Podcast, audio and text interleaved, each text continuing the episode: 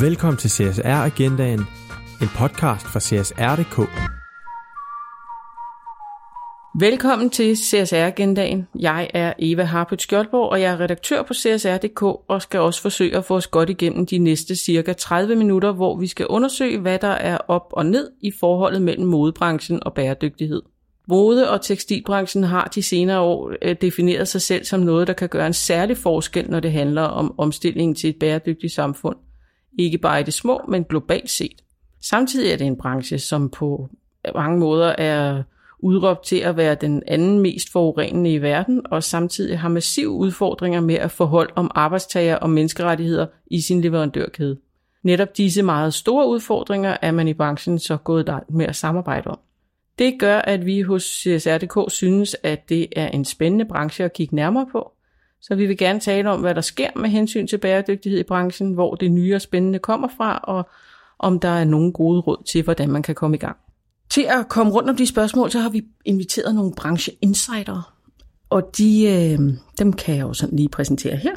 Det er Else Skjold fra Kolding Design School, som forsker i brugeradfærd og bæredygtig forretningsudvikling. Nu fik jeg det hele med. øh, inden, især inden for moderdesign. Og velkommen til dig, Else. Og så har vi besøg af Maria Glæsel fra brandet Ayayo, hvor du er partner. Øhm, og Ayayo er jo sådan et brand, som siden sin allertidligste begyndelse i 2004 har satset på at gøre tingene anderledes og vældig bare bæredygtigt. Så det perspektiv vil vi også gerne have med. Og så til sidst er jeg også glad for at sige velkommen til Morten Lehmann, som er Chief Sustainability Officer i Global Fashion Agenda, som øh, er en dansk funderet, men international organisation, der om nogen prøver at samle modebranchen rundt om omstillingen til bæredygtighed. Så det jeg godt kunne tænke mig, at vi startede med, var, at øh, I hver især fortæller, hvilket emne I er mest optaget af i jeres arbejde lige i øjeblikket, og hvorfor I synes, det er særlig vigtigt lige nu. Og jeg tænkte, at Else måske ville starte. Hvad laver du, eller hvad beskæftiger, hvad, hvad fokuserer du på i øjeblikket? Hvad synes du, øh, hvad optager dig mest? Noget af det, der optager mig rigtig meget, det er, at bæredygtighed jo handler om øh, mange utrolig komplekse ting.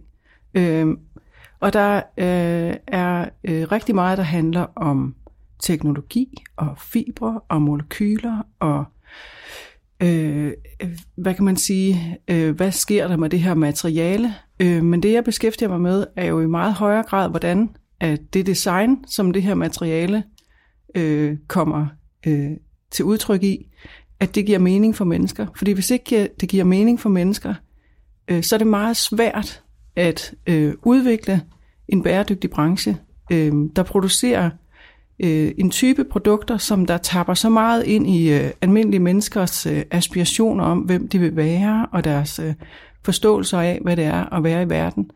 Så jeg arbejder jo i virkeligheden rigtig meget med kultur og æstetik, øh, selvom det tit er sådan en underfortalt øh, historie i det her bæredygtighed, fordi vi tit fortaber os i de her øh, rigtig, rigtig vigtige snakke om miljø, affaldshåndtering, øh, forurening, arbejdsforhold, det er jo et biprodukt af det andet. Eller mm-hmm. det er i hvert fald tæt sammenknyttet. Ja, så hele spørgsmålet om kulturæstetik ligger ligesom som en præmis for, at man overhovedet kan arbejde med de andre, eller? Altså det ligger i hvert fald også især, når vi taler øh, mode som en meget vigtig muskel, fordi øh, mode er jo ikke kun tøj. Mode er jo også det her med nogle øh, tendenser, nogle øh, æstetiske udtryk, som vi på forskellige tidspunkter synes er relevante for os, eller inspirerende, eller noget vi gerne vil have, eller måske ligefrem forførende for os, og som vi drømmer os ind i. Og det er utrolig vigtigt, at man forstår, hvordan mennesker de gør det i deres hverdag. Øh, og det er jo også derfor, vi på min arbejdsplads på Designskolen Kolding arbejder med de her, det er et sjovt navn, men det hedder garderobeundersøgelser, at vi simpelthen går ind i menneskers garderober, mange forskellige mennesker, det gør øh, andre forskere også i hele verden, og prøve at forstå, hvad, det, hvad er det, der giver mening. Og det er jo så mange ting. Det er jo alt, hvad livet handler om. Og hvis man kan tabe ind i noget af det, så tror jeg, man har en nøgle til at udvikle det her. Uden at man selvfølgelig mister alle de andre ting af sporet. Det leder måske meget naturligt over til, at øh, Maria jeg jo det er sikkert også nogle af de tanker, eller jeg kan forestille mig, at der er en sammenhæng mellem. Præcis, det er virkelig i tråd med øh, det, som fylder rigtig meget i Ayayo. Øhm, vi har så meget fokus på at prøve at få skabt brugbare produkter, øh, netop fordi, at det er det, der gør, at vores kunder bliver ved med at bruge det. Og det er der, vi synes, der virkelig ligger et bæredygtigt aspekt. Øhm, og det her med at koble nogle følelser på produktet, øh, er jo i høj grad også noget, som vi kæmper for, øh, netop med den historie, altså hele ophavet øh, af vores produkt har. Øh, og for det er bundet på, på produktet, fordi når du går ud og køber noget, som en ting er, at du kan sige, okay, det er bæredygtigt produceret, med, der har været ordentlige arbejdsforhold, der er hensyn til miljøet, det er super. Øhm, men hvis du virkelig sådan kan begynde at forstå, hvad det er for nogle mennesker, der har siddet og lavet det her produkt, hvad det er for nogle traditioner og kultur, der egentlig er at fortælle i, i, i produktet, så, så kommer forbrugeren helt automatisk til at blive meget gladere for det. Øhm, og, og, og så kommer man til at bruge det mere. Altså det er jo lidt ligesom, hvis man har en øh, gammel trøje fra ens mormor eller et eller andet. Altså øh, udefra kan det være, at folk slet ikke forstår, at den overhovedet er i spil. Men for dig har den en eller anden historie, en betydning. Øhm, og der ligger der rigtig meget bæredygtigt i at huske, øhm, hvor stor betydning det har. Øhm, så det er faktisk noget af det, som øh, øh, i vores altså design, øh, eller helt designteamet, øh, de, de tænker meget over, og de tænker også rigtig meget over, hvordan de kan skabe nogle produkter, øh, som ikke skal ændres hele tiden. Altså, øh, at, at vi prøver at ændre konteksten omkring den, arbejde meget med rerunners, øh, så ikke hele tiden skabe nye behov. Okay.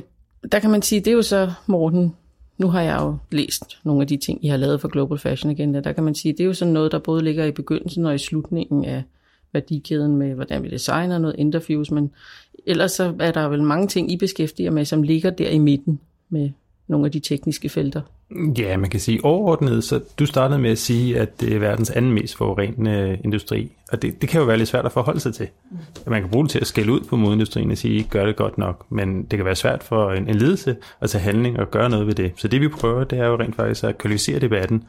Så når vi siger, at det er verdens mest anden mest forurenende industri, som man kan, kan diskutere lidt, så prøver vi jo i, ved den her Pulse of the Fashion Industry rapport at måle på, jamen, hvor er det så, vi snakker her om, at det er forbrugsfasen, eller det produktionsfasen, designfasen, hvor er virksomhederne gode til at arbejde med det her, hvor kan de blive bedre?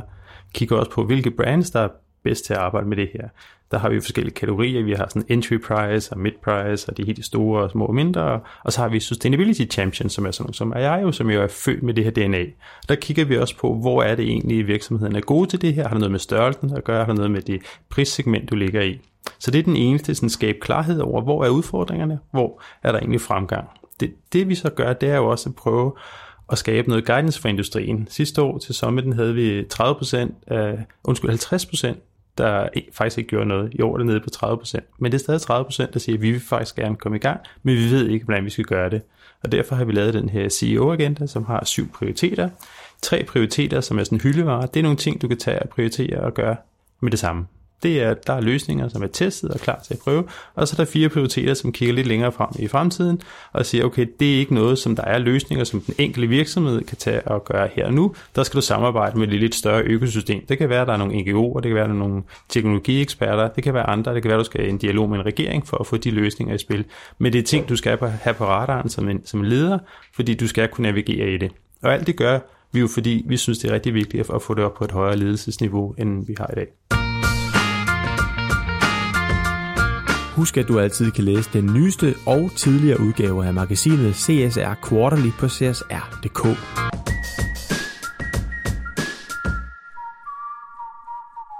Hvis man snakker om, hvor sådan de nye ting kommer fra inde i i modebranchen. Hvor ser man den største udvikling? Og jeg tænkte egentlig i morgen, at jeg ville starte med dig, for du I har jo lige lavet en dejlig undersøgelse. Ja, altså det spændende i 2018-udgaven af Pulse of the Fashion Industry er jo lidt lige med, hvad I sagde, for jeg jo er, at sidste år, der der var dem, der faktisk scorede lavest, det var sådan i begyndelsen af værdikæden og sidste værdikæden. I år er det jo faktisk dem, som har hævet sig mest. Det er jo og, rigtig og når positivt. vi snakker om begyndelsen af værdikæden så er det sådan designfasen og interviews, altså hvad sker der med vores tøj, når vi, når vi ikke har lyst til at have det på mere. Og man kan sige, at det er måske på en billig baggrund, det var også dem, der scorede lavest, men øh, det, det er et godt tegn man kan sige, på designfasen, det, det er måske ikke så svært at komme i gang med det, men på interviews, det er jo faktisk et af de områder, som ikke er særlig nemt, fordi du har ikke de her store løsninger. Meget kræver logistikken og noget lovgivning, så der er så mange, der vælger at opprioritere, det er faktisk positivt. Den anden positive ting er, at sidste år i rapporten, der var vi faktisk sådan, det afgørende for, hvor dygtig du var til at arbejde med bæredygtighed, det var størrelsen på din virksomhed. Jo større du er, jo mere arbejder du med bæredygtighed. Og det var sådan lidt den der gængse tankegang om, de små og mellemstore, de kan ikke, det er svært at være lille. I år viser det sig rent, rent faktisk, at øh, de små og mellemstore i midtprissegmentet er dem, der har flyttet sig allermest. Så nu kan vi se, at som lille virksomhed kan det altså godt lade sig gøre at gøre det her. Else Maria, kan I genkende noget af det, eller ser det anderledes ud for jeres stole i forhold til, hvor, hvor sådan udviklingen, hvad der sker i branchen i øjeblikket?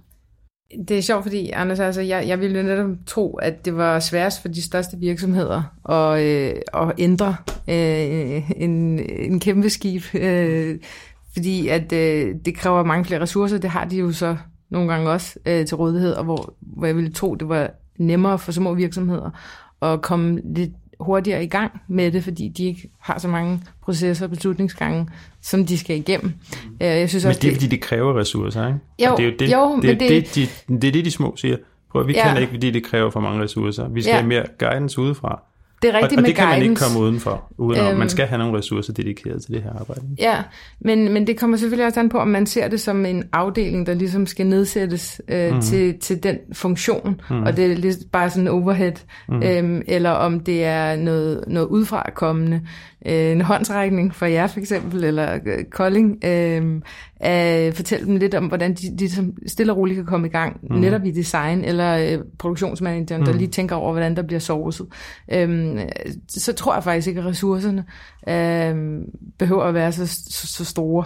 Øh. Men, men det er jeg jo helt enig i, men nu taler du også som det, vi kalder Sustainability Champions. Ja. I er født med det i jeres brand DNA. I lever det, I behøver ikke, så I er sådan på længst på evolutionen inden for ja, bæredygtighed. Ikke? For en lille virksomhed, som først skal i gang, hvor du først skal overtage ledelsen om, at det her, det er faktisk øh, noget, vi skal gøre. Det er en vigtig del for at fremtidssikre vores virksomhed. Så, så kan det være lidt mere svært, og så kan det godt være, at man ikke bare kan tage fra det eksisterende ressourcer, der er, men du skal have nogle nye kompetencer ind i virksomheden, ja. som ikke er der. Noget, noget af det, jeg ser fra min stol, både fra forskning og designuddannelse, hvor vi jo hvert år uddanner nye øh, kandidater, der kommer ud i vækstlaget, øhm, det er jo sådan en, øh, en større nysgerrighed på i virkeligheden at øhm, stille spørgsmål ved hele maskinen. Du startede med at sige til Morten, at øh, vi arbejder meget med i starten og i slutningen, hvad med inde i midten. Og jeg tror, det er meget vigtigt at stille spørgsmålstegn med, hvad er det overhovedet, der skal foregå derinde? Øhm, og hvad er mode overhovedet for noget? Og hvordan er det overhovedet, er det overhovedet relevant? Skal vi til at kalde det et andet navn? Eller skal vi til at have en meget bredere forståelse af, hvad det er? Fordi mode, altså hvis du kigger på al forskning, så handler det om, at vi skal have noget nyt hvilket jo går rigtig godt i spænd med sådan hele industrialismens øh, udvikling. Det er øh, styling, det er øh, nyhedsværdi, og det er teknologi. Øh, masseproduktion, standardisering. Og på mange måder ser vi jo en branche, som, som på nogle steder kan man jo godt lidt sige, de har glemt måske deres brugere. Mm. Fordi de producerer til den her, øh, altså drømmen om moden er jo sådan en, øh, den her perfekte typiske kvinde, som har nogle bestemte mål. Og helt konkret, så syr man jo tøjet op til den her kvinde og den her krop. Og der er der jo store målinger, der siger, at der er rigtig mange mennesker, der faktisk føler sig glemt, der slet ikke føler sig taget i hånden. Øh, så vi står jo også samtidig jo med et kæmpe potentiale. Tænk alle de mennesker, som man kan henvende sig til, som ved ganske små øh, designgreb eller historiefortællingsgreb, hvor man kan sige, du er også velkommen her. Mm. Øhm, så i virkeligheden så, så kigger vi på skole meget øh, på det her med at gå tilbage til de gamle dyder, men at gentænke dem. Altså det er ikke mere end 30-40 år siden, hvor at øh, Dansk Mode Tekstil havde en lille pamflet, hvor der stod, de skal hjælpe deres kunde øh, med at finde den rette beklædning til deres kropstype. Altså sådan nogle øh, små bitte designgreb mm handler jo faktisk om at afstandardisere hvor man også kan begynde at køre de der, en anden forretningsmodel, der bærer på langsomhed, måske endda på, at vi nok kommer i en situation, hvor vi ikke kan sælge nye produkter, altså hvis vi, som, øh, som rapporterne fra GFA siger, hvis vi får så kæmpe stor en, øh, en middelklasse, øh, taler vi, var det halvanden milliard mere, Morten? De vil, og de alle sammen skal have nyt tøj, altså så, så giver det jo ligesom sig selv, at der er ikke råmaterialer Altså jo, det, man kalder jomfru-materiel. Mm. Der er ikke nok. Og samtidig har vi flere og flere lande, der siger, nej tak, vi vil ikke have jeres øh, overskuds øh, tøj, pap, plastik. Øh, så, så et eller andet sted, så er det sådan en logik for perlehøn, så vi bliver nødt til at begynde at gentænke, hvad er det egentlig, vi skal sælge overhovedet. Det er jo... Og det er spændende, hvis jeg bare lige må, må bidrage til det. Det er jo den teknologiske udvikling, der sker lige nu. Jeg synes jo, det er utroligt, at vi i den her industri, altså vi snakker om disruption, ikke? hvad er der sket i den her industri de sidste 20-30 år? Der er mm. ingenting sket, hvis jeg skal generalisere lidt. Ikke? Jo, vi har, vi har outsourcet det på et tidspunkt, ikke? og det er selvfølgelig stort, og vi har fået e-commerce, men hvad ellers? Der er ikke, folk sidder stadig ved symaskiner. Ikke? Og der, der, der, den her eksponentielle teknologiske udvikling i forhold til at få skræddersyet tøj, som er det, du, du snakker om, Else, ikke? Det giver jo kæmpe muligheder for at få det, du efterspørger, men også få et, et, øh, en industri uden spild. Ikke? Altså, du kun syr til lige præcis, det vil sige udbud og så bliver en helt anden snak, ikke overproduktion eller noget, og så kan du lave det med noget udelukkende bæredygtige materialer, og du tager jo så øh, hele mellemkæden, altså hele værdikæden bliver jo, bliver jo en helt anden i dag, så selvfølgelig skal du også kigge på de meget store sociale udfordringer, der er i de lande, som lever af at eksportere de her ting. Så der er selvfølgelig også nogle store udfordringer, som man skal indtænke, men der er også nogle kæmpe gevinster, når det kommer til at ske. Og det tror jeg kommer til at ske før, end, end, end vi lige regner med. Ja, jeg tror også, der er nogen, der kommer til at vågne op en meget kold morgen og forstå, at de har simpelthen øh, misforstået, hvad det var, de skulle gøre for at fremsikre, fremtidssikre deres virksomhed. Øh, og det handler jo i høj grad om det her med, hvad er det, hvad er det vi sælger, og hvad for en øh, værdi giver det for, for de forbrugere, der skal købe produktet. Øhm, og, og, det... og, og altså rigtig mange andre sektorer, de kigger jo på nogen måde måbende på modebranchen og siger, hvorfor er I ikke kommet i gang? Altså, hvad sker der for jer? Og der har jeg jo den øh, lille idé, at det handler om den her netop kulturforståelse, at mode, det handler altså noget med, at vi skal have noget nyt. Og lige nu er der så meget nyt, så altså ikke engang modebossen Uffe Bukhardt kan, kan følge med. Og ham har jeg meget stor respekt for, han er meget dygtig til at følge med. Så når han ikke kan, så er det holdt op med at give mening. Mm. Så det er simpelthen også noget med, hvad skal vi så med en modepresse? Hvad skal vi så med modeuger? Hvad skal vi så med kollektionsopbygning? Altså alle de her spørgsmål, Øh, det er faktisk noget, vi skal i gang med at diskutere, som jo ikke kun handler om teknologi, men også handler om, jamen, altså, hvad er det overhovedet for nogle designgreb, der skal gøres, og til hvem? Og må jeg ikke lige svare på, hvad vi skal med en modepres eller pressen generelt? Altså, jeg synes jo, en af udfordringerne er i dag, hvis man stikker næsen frem på det område, så, så får man at vide, at man ikke gør det godt nok. Og det er lige meget, hvor dygtig man er til at gøre det her. Det, jeg synes, pressen skal, skal være med til at gøre, det er at hylde de uperfekte virksomheder. Fordi der er simpelthen så mange virksomheder, som ikke tør komme i gang med det her. For hvem rationale bliver, hvis jeg ikke kan kommunikere om det her, det kan de bedste i verden om det her ikke, uden at blive skudt i skoene, at de ikke gør det godt nok. Skal jeg så bare ikke lade være? Skal jeg ikke bare leve det, det stille liv, eller hvad med at gøre noget? Og der skal vi have de virksomheder frem, der tør sige, vi er gået i gang med det her, det er super svært, men det er fremtiden for os, at vi gør det og det. Og så skal man hylde dem. Fordi med al respekt for det, I gør, det er fantastisk, har jeg jo, men der er rigtig mange virksomheder, som ikke er nået det til nu, som har svært, som siger, ja, det er jeg jo, eller det er Patagonia, det er de her meget, meget dygtige virksomheder for det her. Det kan de ikke spejle sig selv i. Så vi skal også have de mindre virksomheder frem, som ikke er så langt i evolutionen på det her område, til, til at høre deres historie, øh, uden de bliver skåret ned til sokkelholderne over, men det er jo ikke godt nok. Og så tror jeg, altså i forlængelse af det, er det også meget vigtigt, at det her bæredygtighed, det er jo bare sådan en kæmpe containerord. Altså det indeholder jo alt i hele værdikæden i alle produkter. Altså vi må simpelthen holde op med at prøve at, at tro, at øh, man kan være en bæredygtig øh, virksomhed og gå fra 0 til 100. Øh, så i forlængelse af det, Morten siger, så er det utrolig vigtigt at, at begynde at udvikle nogle redskaber til, at man faktisk kan forklare, når man øh, vi gør det og det og det, det passer til vores DNA, vores strategi, vores designgreb, og så har vi måske det her i, øh, i pipeline, til det kan være næste naturlige skridt for os. Vi har mange virksomheder igennem i, øh, på Designskolen Kolding i, øh, i nogle forløb, og det vi typisk ser, det er det der med, at den faktisk den skræddersyede tilgang til den enkelte virksomhed er rigtig god, fordi når man først kommer i gang, så er det lidt som sådan en, øh, snebold. De her, et snebold eller dråber i vandet, hvor at, øh, den spreder sig, og man begynder simpelthen at tænke anderledes. Og man begynder faktisk derfor at spare nogle penge, og man begynder at blive mere øh, skarp på, hvem ens kunder er, og hvad for nogle produkter det egentlig er, man går og sælger. Jeg har et spørgsmål til dig. Ja. Hvordan arbejder I med bæredygtighed i undervisningen? Øh, ja. Og jeg spørger, fordi at øh, jeg synes jo, at, eller vi synes, at altså, uddannelsesinstitutioner, øh, de har simpelthen et kæmpe, kæmpe ansvar og har mulighed for at virkelig gøre en forskel, altså definere bæredygtigheden fremadrettet. Øhm, så I vi kunne øh, simpelthen have det som et, et fag, ligesom at man har økonomi øh, og alt det her. Øhm, så de forstår at arbejde i, i at tænke anderledes og arbejde med bæredygtige forretningsmodeller, fordi det er jo på det afsæt, de kommer ud, og så vil det ikke skulle skabes forfra, eller det, ja, men øh, det vil være meget sjovt at høre, øh, hvis jeg må spørge ind til det. Det må du gerne, og tusind tak for tilliden, og øh, vi bærer det på skuldrene hver dag, og jeg kan love dig for, at øh, vi gør øh, alt, hvad vi kan. Vi kan se, at øh, nogle af de mest innovative øh, talenter, vi har, de vælger lige nu moden fra, og det er jo rigtig ærgerligt for modebranchen, fordi de har det sådan, det der, det gider vi simpelthen ikke være med til. Mm.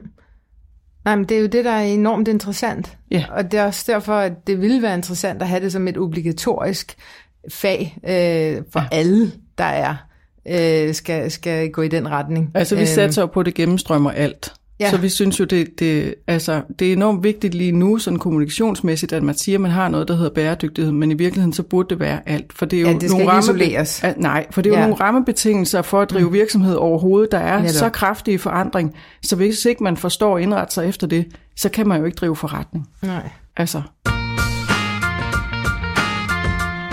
Få alle fordelene med et CSRDK abonnement og blive en del af fremtidens forretning. Prøv et 30 dages gratis medlemskab og få adgang til alt låst samt ulåst indhold på CSR.dk. Jeg tænkte på noget, da vi I snakkede lige før, som er øhm, hele den her omstilling til at sige, at vi er simpelthen nødt til at gøre alting anderledes. Det, og den kolde morgen, og nogen, der vågner og alt det her. Det er sådan den ene side. Så er der den anden side, som man på nogen måde kan sige, GFA, Global Fashion Agenda, også kan repræsentere, som er en, sådan en forandringspræmis, der hedder, at vi vil gerne blive ved med at kunne det samme i modebranchen, som vi plejer. Vi skal bare gøre det cirkulært, sådan, så vi ikke skader. Øhm, hvor mødes de? Altså mødes de to nogensinde, øh, eller kommer de bare til at være i krig, og så ser vi, hvem der vinder? det taler vi om. Vi har et møde senere i dag. Okay, så, så der, får I, der får I afklaret det. Ja. Men, men, men, det, men, det er ikke, men det er ikke forkert, at der ligesom er øh, sådan konkurrerende opfattelser. Men nej, det er da ikke forkert. Altså, der, der er nogen, der siger, at cirkulær økonomi er, er svaret til alt. Og på mange områder, hvis du kunne få cirkulær økonomi, altså få det økonomien ind i det, ikke? så du laver nye forretningsmodeller, så kan det være svaret på rigtig meget af det her. Ikke? Men i det, så, ligger der, så handler det jo ikke bare om at indsamle dit tøj og lave nye fiber ud af det. Det er jo hele modellen. Det handler også om at lege dit tøj, så det er jo også overforbrug af alt det her. Ikke? Så på den måde kan det være svaret på meget af det her. Der er bare lang tid før vi får, altså det kræver rigtig meget logistik, det kræver rigtig meget landelovgivning, international lovgivning, få hele den der øh, værdikæde øh, til at gå tilbage igen til din egen, hvordan får du materialestrømmene, som nu måske kommer fra et sted i Østasien eller andre steder, nu skal du ligesom have den her kæde til at gå den anden vej, hvordan sker det? Det kræver rigtig meget. Så det, det ser vi jo som er et af form. Vi arbejder rigtig tæt sammen med Ellen MacArthur Foundation for netop at støtte det her. Vi har vores commitment på det her, det synes vi er rigtig vigtigt. Før vi når det til, så skal vi også arbejde med alle de andre ting. Mm. Og det, det, det synes vi er en del af det. Maria, er I, øh, kan I sådan, altså, har I sådan konkrete erfaringer med, hvor, de, hvor man støder på problemer, hvis man prøver at være mere cirkulær, eller mere design for long use, eller rerunners, eller hvad I siger? Vi er privilegeret på den måde, at vi ikke synes, at vi har løbet ind i de store problemer endnu med at være bæredygtige. Det er også et lille hint til andre, men, øh, men øh, øh, noget af det, som vi synes er rigtig interessant at se på, det er for eksempel også den netop øh, model, Vika er, øh, har introduceret, som altså, vi har så stor respekt for, og vi også selv har... Det er den, hvor man øh, ligesom Leger. abonnerer på, Du på baby børnetøjs Præcis. kasser, så man får skiftet størrelsen ud løbende, og, Præcis. men ejer ikke tøjet. Og vi, vi har faktisk også haft øh, leveret design øh, og produkter til graviditet. Øh, graviditetstøj hedder det jo. Øh, men men lige, lige præcis sådan en model er jo helt ekstremt interessant, øh, og det potentiale, der ligger i den, er også øh, meget, meget, meget spændende. Det er klart, på et eller andet tidspunkt, så bliver øh, tøjet også brugt op, og så står vi i netop den samme situation, som du refererer til, Morten, med, øh, hvor, hvor, hvor gør vi så af det?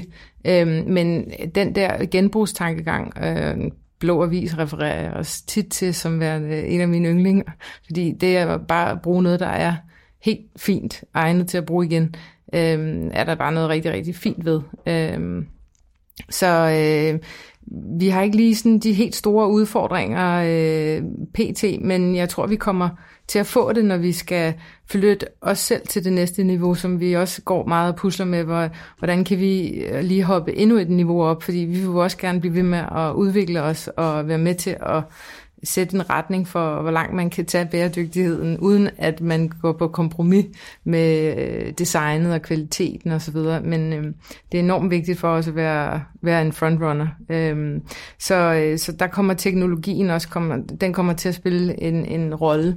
Øh, og vi synes for eksempel også, at øh, hele den her... Øh, øh, Ocean for Ocean øh, er meget spændende med, de forhentede øh, affald op. Til at starte med skulle vi selvfølgelig ikke lægge det der, men det der ligger, så kan komme et eller andet godt ud af det, og hvor noget af det selvfølgelig også er naturligt lavet øh, på gummitræer, øh, og man kan få et eller andet positivt ud af det. Øh, det, det vil også være enormt spændende. Øh, og der kan det sagtens være, at vi løber ind i kæmpe udfordringer. Man kan sige, der er i hvert fald en kæmpe appetit i industrien til at arbejde med cirkulær økonomi. Altså på bare et år siden uh, sidste års øh, uh, Community Fashion Summit, har vi jo fået 12% af industrien til at skrive under på vores her commitment. Uh, det er ret vildt, fordi det er jo faktisk et område, hvor løsningerne ikke er der. Så den der commitment til at sige, vi, vi skriver under på det her, og vi leverer targets, som de skal indfri inden 2020. Jeg sidder faktisk lige nu i disse dage og sidder og arbejder på de her værktøjskasser på de her områder, ikke? og der er rigtig stor appetit på det. Og der er rigtig mange steder, hvor vi skriver i de her, i de her værktøjskasser også. Det handler rigtig meget om samarbejde, det er rigtig meget om at indgå på at finde ud af de her med regeringer, få skabt noget ordentligt, altså lave noget lobby for at lave noget ordentlig lovgivning, så det ikke er som i dag, hvor det kan være, altså, hvor de er en modspiller nærmest regeringerne, hvor de siger, at det er faktisk skrald det her, I, I må ikke gøre det her, I skal behandle det som affald, I kan ikke, og så videre, og så videre. Ikke? Så, så, så det er øh, noget, som der er appetit på, men der skal virkelig arbejde sammen med industrien. Og så tænk, øh, det, nu snakker vi om, at det er vigtigt at have frontrunners, og det folk skriver under og committer sig til ting, og hvad ved jeg. Og så kan vi, synes jeg, der er en meget naturlig overgang til at have den her overvejelse om, men er det særlig vigtigt, at modebranchen gør noget ved det her? Øhm, altså, spiller den en særlig rolle i verden, eller, eller er, det en, altså, er det lige så vigtigt, at, hvad ved jeg, spejpølseindustrien gør noget? Altså, der vil jeg måske springe tilbage til det, jeg sagde tidligere, at det er meget vigtigt at forstå, at mode, altså, altså det, det er jo ikke kun tøj. Altså det handler jo om en, nogle, øh, nogle øh, tendenser, nogle smags øh, små differentieringer, som påvirker rigtig, rigtig mange andre sektorer. Og det er fordi, det er så stærkt. Det mm. er så kraftfuldt, og det går øh, øh, helt øh, forbi alle mulige ord, man kan sige. Altså design er et utroligt stærkt sprog. Mm. Og derfor kan man også øh, ligesom inspirere ved at, at, at begynde at ændre og twiste, hvad det design det fortæller, og hvordan det ser ud, og hvordan det præsenteres og alt omkring det. Så man kan sådan set, altså øh, mode er på en måde noget af det mest problematiske overhovedet, fordi er der noget, der handler om øh, overforbrug og brug og smid væk produktion, så er det det, det er også blevet kaldt det sådan noget øh, kapitalismens øh, yndlingsbarn, det mode, ikke? Øh, hvad hedder det? Men det er også en del af løsningen, fordi hvis man kan bruge mode mod sig selv, så er det jo ligesom sådan en, øh, en øh, hvad det hedder, visuel virus, man kan hacke med, og det er så kraftfuldt. Det er meget mere kraftfuldt end alverdens hangtags og informationsfolder og rapporter og alting. Det er det her at vække et menneskes øh, lyst til, jeg vil gerne have det her på. Er det, øh, er det noget, I går og tænker over, over jeg, jeg, at I skal vække menneskets lyst? Det er simpelthen øh, det, er det første, som øh, Maria Heilmann hun tænker over, når hun øh, står op om morgenen. Øhm, fordi det er det, der gør, at øh, vi også bliver ved med at have de her loyale kunder, der kommer tilbage og, øh, og køber den samme styles øh, 10 år efter, de har købt den første, fordi de ikke kan leve uden. Øhm, det, det er simpelthen så vigtigt med det her emotionelle, den her tilknytning til det. Øh, og det er jo lige præcis der, hvor vi prøver at gøre en forskel. Vi netop ikke konstant at lave nye kollektioner, men sætte de samme styles i en fornyet kontekst, så du får et nyt billede af den. Men det er faktisk den samme sort trøje, som vi øh, viste for et år siden, og der er ikke nogen grund til at lave den om, fordi den er simpelthen så fantastisk, og du bliver ved med at være glad for den. Øh, og det opdrag er jo vigtigt at øh, sigte efter at få, øh, få implementeret. Jeg vil også gerne bare lige en kort pointe, fordi nu sagde du før, at der har været, øh, der er jo forskellige øh, holdninger og indlæg i debatten om, hvad det her det øh, er. Og jeg har tænkt rigtig meget om det her eksempel med den her kæmpe diskussion, der pludselig poppede op med, er plastikposer eller genbrugsposer af tekstiler bedst? Øh, og der var mange, der sagde meget om det. Fordi i, øh, i sådan en idealverden, så alle de her plastikposer, der er et fantastisk logistisk system, der kan indsamle dem alle sammen. Ingen ender ude i dyr eller natur, og de bliver alle sammen øh, forarbejdet på en helt forsvarlig måde. For den anden side, så har vi det her øh, øh som der har et ret stort impact, når man producerer dem, men som kan have rigtig lang levetid. Og jeg synes ikke, svaret skal være, at man skal vælge. Fordi man bliver nødt til at gøre begge dele. Der er jo altså i overført forstand et så meget tøj med plastik i ude i verden, der ligger og flyder rundt, så det skal vi jo rydde mm. op. Altså, mm. det, det er ikke noget at diskutere. Øh, det tager omkring 400 år, tror jeg det er, før det kan komme tilbage til naturen. Så, så det er ikke noget, vi kan vælge. Men vi skal også gøre det her teknologi øh, tæt på hjertet. Og en anden lille historie var, at jeg var til en meget en af alle de her workshops, man er til, når man arbejder med bæredygtighed, hvor jeg sad og talte med en øh, professor ud fra DTU, som ved en hel masse om teknologi og målinger og tal og alle de her meget, meget svært forståelige ting. Og så fortalte han mig en historie om oppe i Helsingør, hvor de arbejder med design. Der havde de givet øh, børnene i hver klasse en lille pose med kompostorm og sagt, nu er det dit ansvar at passe på de her kompostorm. De skal bare overleve. Og der gik ikke mange uger, så havde alle familier øh, komposter hjemme i haven. Fordi at det jo berørte dem. Mm. Lille Oles øh, små kompostorm skal da ikke dø. og det er et eksempel på, at nogle i virkeligheden meget, meget komplekse øh, kemiske, molekylære og teknologiske ting, de bliver, kommer meget, meget tæt på mennesker. Så vi handler, fordi det betyder noget. Vi skal snart til at runde af, men jeg tænkte, at vi måske kunne sige, øh, hvis I skulle komme med gode råd til, hvad man kunne gøre, og hvad man i hvert fald ikke skal gøre, hvis man gerne vil blive bedre til at arbejde med bæredygtighed, om man så er i modbranchen eller ej. Jeg tror at se fra vores side af, at det handler om bare at bare gøre noget, bare komme i gang og ikke være bange. Og, og små ting kan gøre en stor forskel og kan ende i lige pludselig at blive til øh, en del af en koncept. Øh, tag eksempelvis, vi har vores øh, Zero Waste øh, koncept, øh, og det er et godt eksempel på noget, der starter med at være en idé om, jamen, alle de her rester, der egentlig er på vores øh, sengtøjsproduktion, det kan vi da ikke bare, lad, kunne vi ikke bruge det til noget? Øh, indpakningspapir eller andet, og så lige pludselig udvikler det sig til, at vi rent faktisk kan lave et produkt af det, og det produkt, det kan blive lavet på en skole ved siden af, hvor der er så også nogen, der får nogle uddannelse i det, og øh, at det, det, det begynder bare at give mening, men det starter jo ikke med at være forkromet og gennemtænkt. Så det handler rigtig meget om bare at komme afsted med lidt.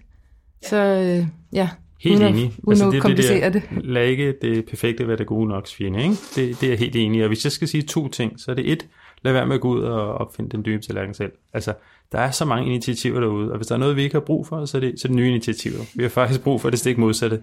Der bliver færre initiativer, både så forbrugerne kan forstå det, men også hele værdikæden kan forstå, hvad det er egentlig, vi snakker om. Så det, så det er den ene ting. Den anden ting er det, som jeg også har sagt, Maria, EFI, jeg er jo det her, finde ud af, hvad jeres brand DNA er inden for bæredygtighed. Ikke?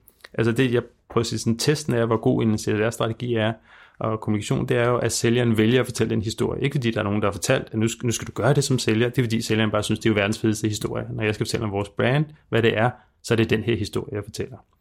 Så, så hvis man når dertil, så bliver det nemmere at gøre det her. Så vælger man ikke at skære ned på det her, når der kommer en krise, fordi det er ens brand, der arbejder bæredygtighed, og så er man fremtidssikret ens brand. Præcis, og man vil jo opleve hurtigt, hvor positivt det bliver modtaget hos kunder. Så, så det giver jo også inspiration igen til dem, der sidder og laver produkterne og, og etablerer koncepterne. Jamen jeg tror egentlig i forlængelse af det, så øh, arbejde strategisk, altså design strategisk med din virksomhed. Find ud af, hvem, hvem er det du er, og hvem er det du vil nå til, og hvad er det du vil, øh, du vil sende ud i verden. Øh, og start i det små, og det håndgribelige, og det øh, der passer til dig. Fordi der er så mange ting, du kan gøre, så du kan fare fuldstændig vild, og det kan være meget omkostningstungt. Mm. Men det behøver det ikke at være, lige når man starter. Der er, er det, det så mange ting, man kan gøre, som ikke nødvendigvis koster øh, særlig mange penge, men med små designgreb kan man ændre rigtig meget. I års Pulse of the Fashion Industry Report, der har vi faktisk udregnet business casen. Sidste år udregnede vi business casen på ikke at gøre noget. Der tabte du 3-4 sådan EBIT points i 2030 i år. Der siger vi, at man kan vinde 1-2 ved at gøre noget. Så der er også en business case. Uh, EBIT points, altså markner på dit overskud Hvis du lægger de ting sammen, altså 3-4 vil ikke gøre noget, 1-2 vil gøre noget, så er du oppe på en 5-6 stykker, ikke? Så der er jo en rigtig, faktisk en rigtig god business case på at gøre. 5-6 procent større overskud. Ja. Og det er Men det, der jo også sker penge. naturligt, det er, fordi at bæredygtighed har noget at gøre med alle værdikæder, så bliver man nødt til at tænke det hele igennem. Man bliver simpelthen nødt til at blive mere strategisk, og derved bliver man jo også skarpere på, hvem man er og hvad man laver. Det er rigtigt. Det, med det sagt, så tror jeg... Det er rigtigt, alt det vi har sagt. Ja, alt hvad jeg har sagt Tak, er tak. rigtigt, og øh, det med...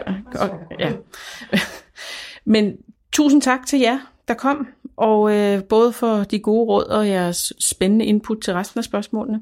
Øhm, og så blev jeg i hvert fald klogere. Det håber jeg så også, at dem, der vælger at høre vores podcast en dag gør. Og øh, så held og lykke med at finde ud af at uddanne fremtidens designer og ansætte dem og bruge dem til noget, og sørge for, at hele resten af branchen også følger med. Så tak for i dag. Tak. Tak for i dag. Du har lyttet til CSR Agendaen, en podcast fra CSR.dk. Du kan abonnere på podcasten i iTunes, eller hvor du nu foretrækker at lytte til podcasts. Søg blot efter CSR.dk eller CSR Nyt Ord Agendaen.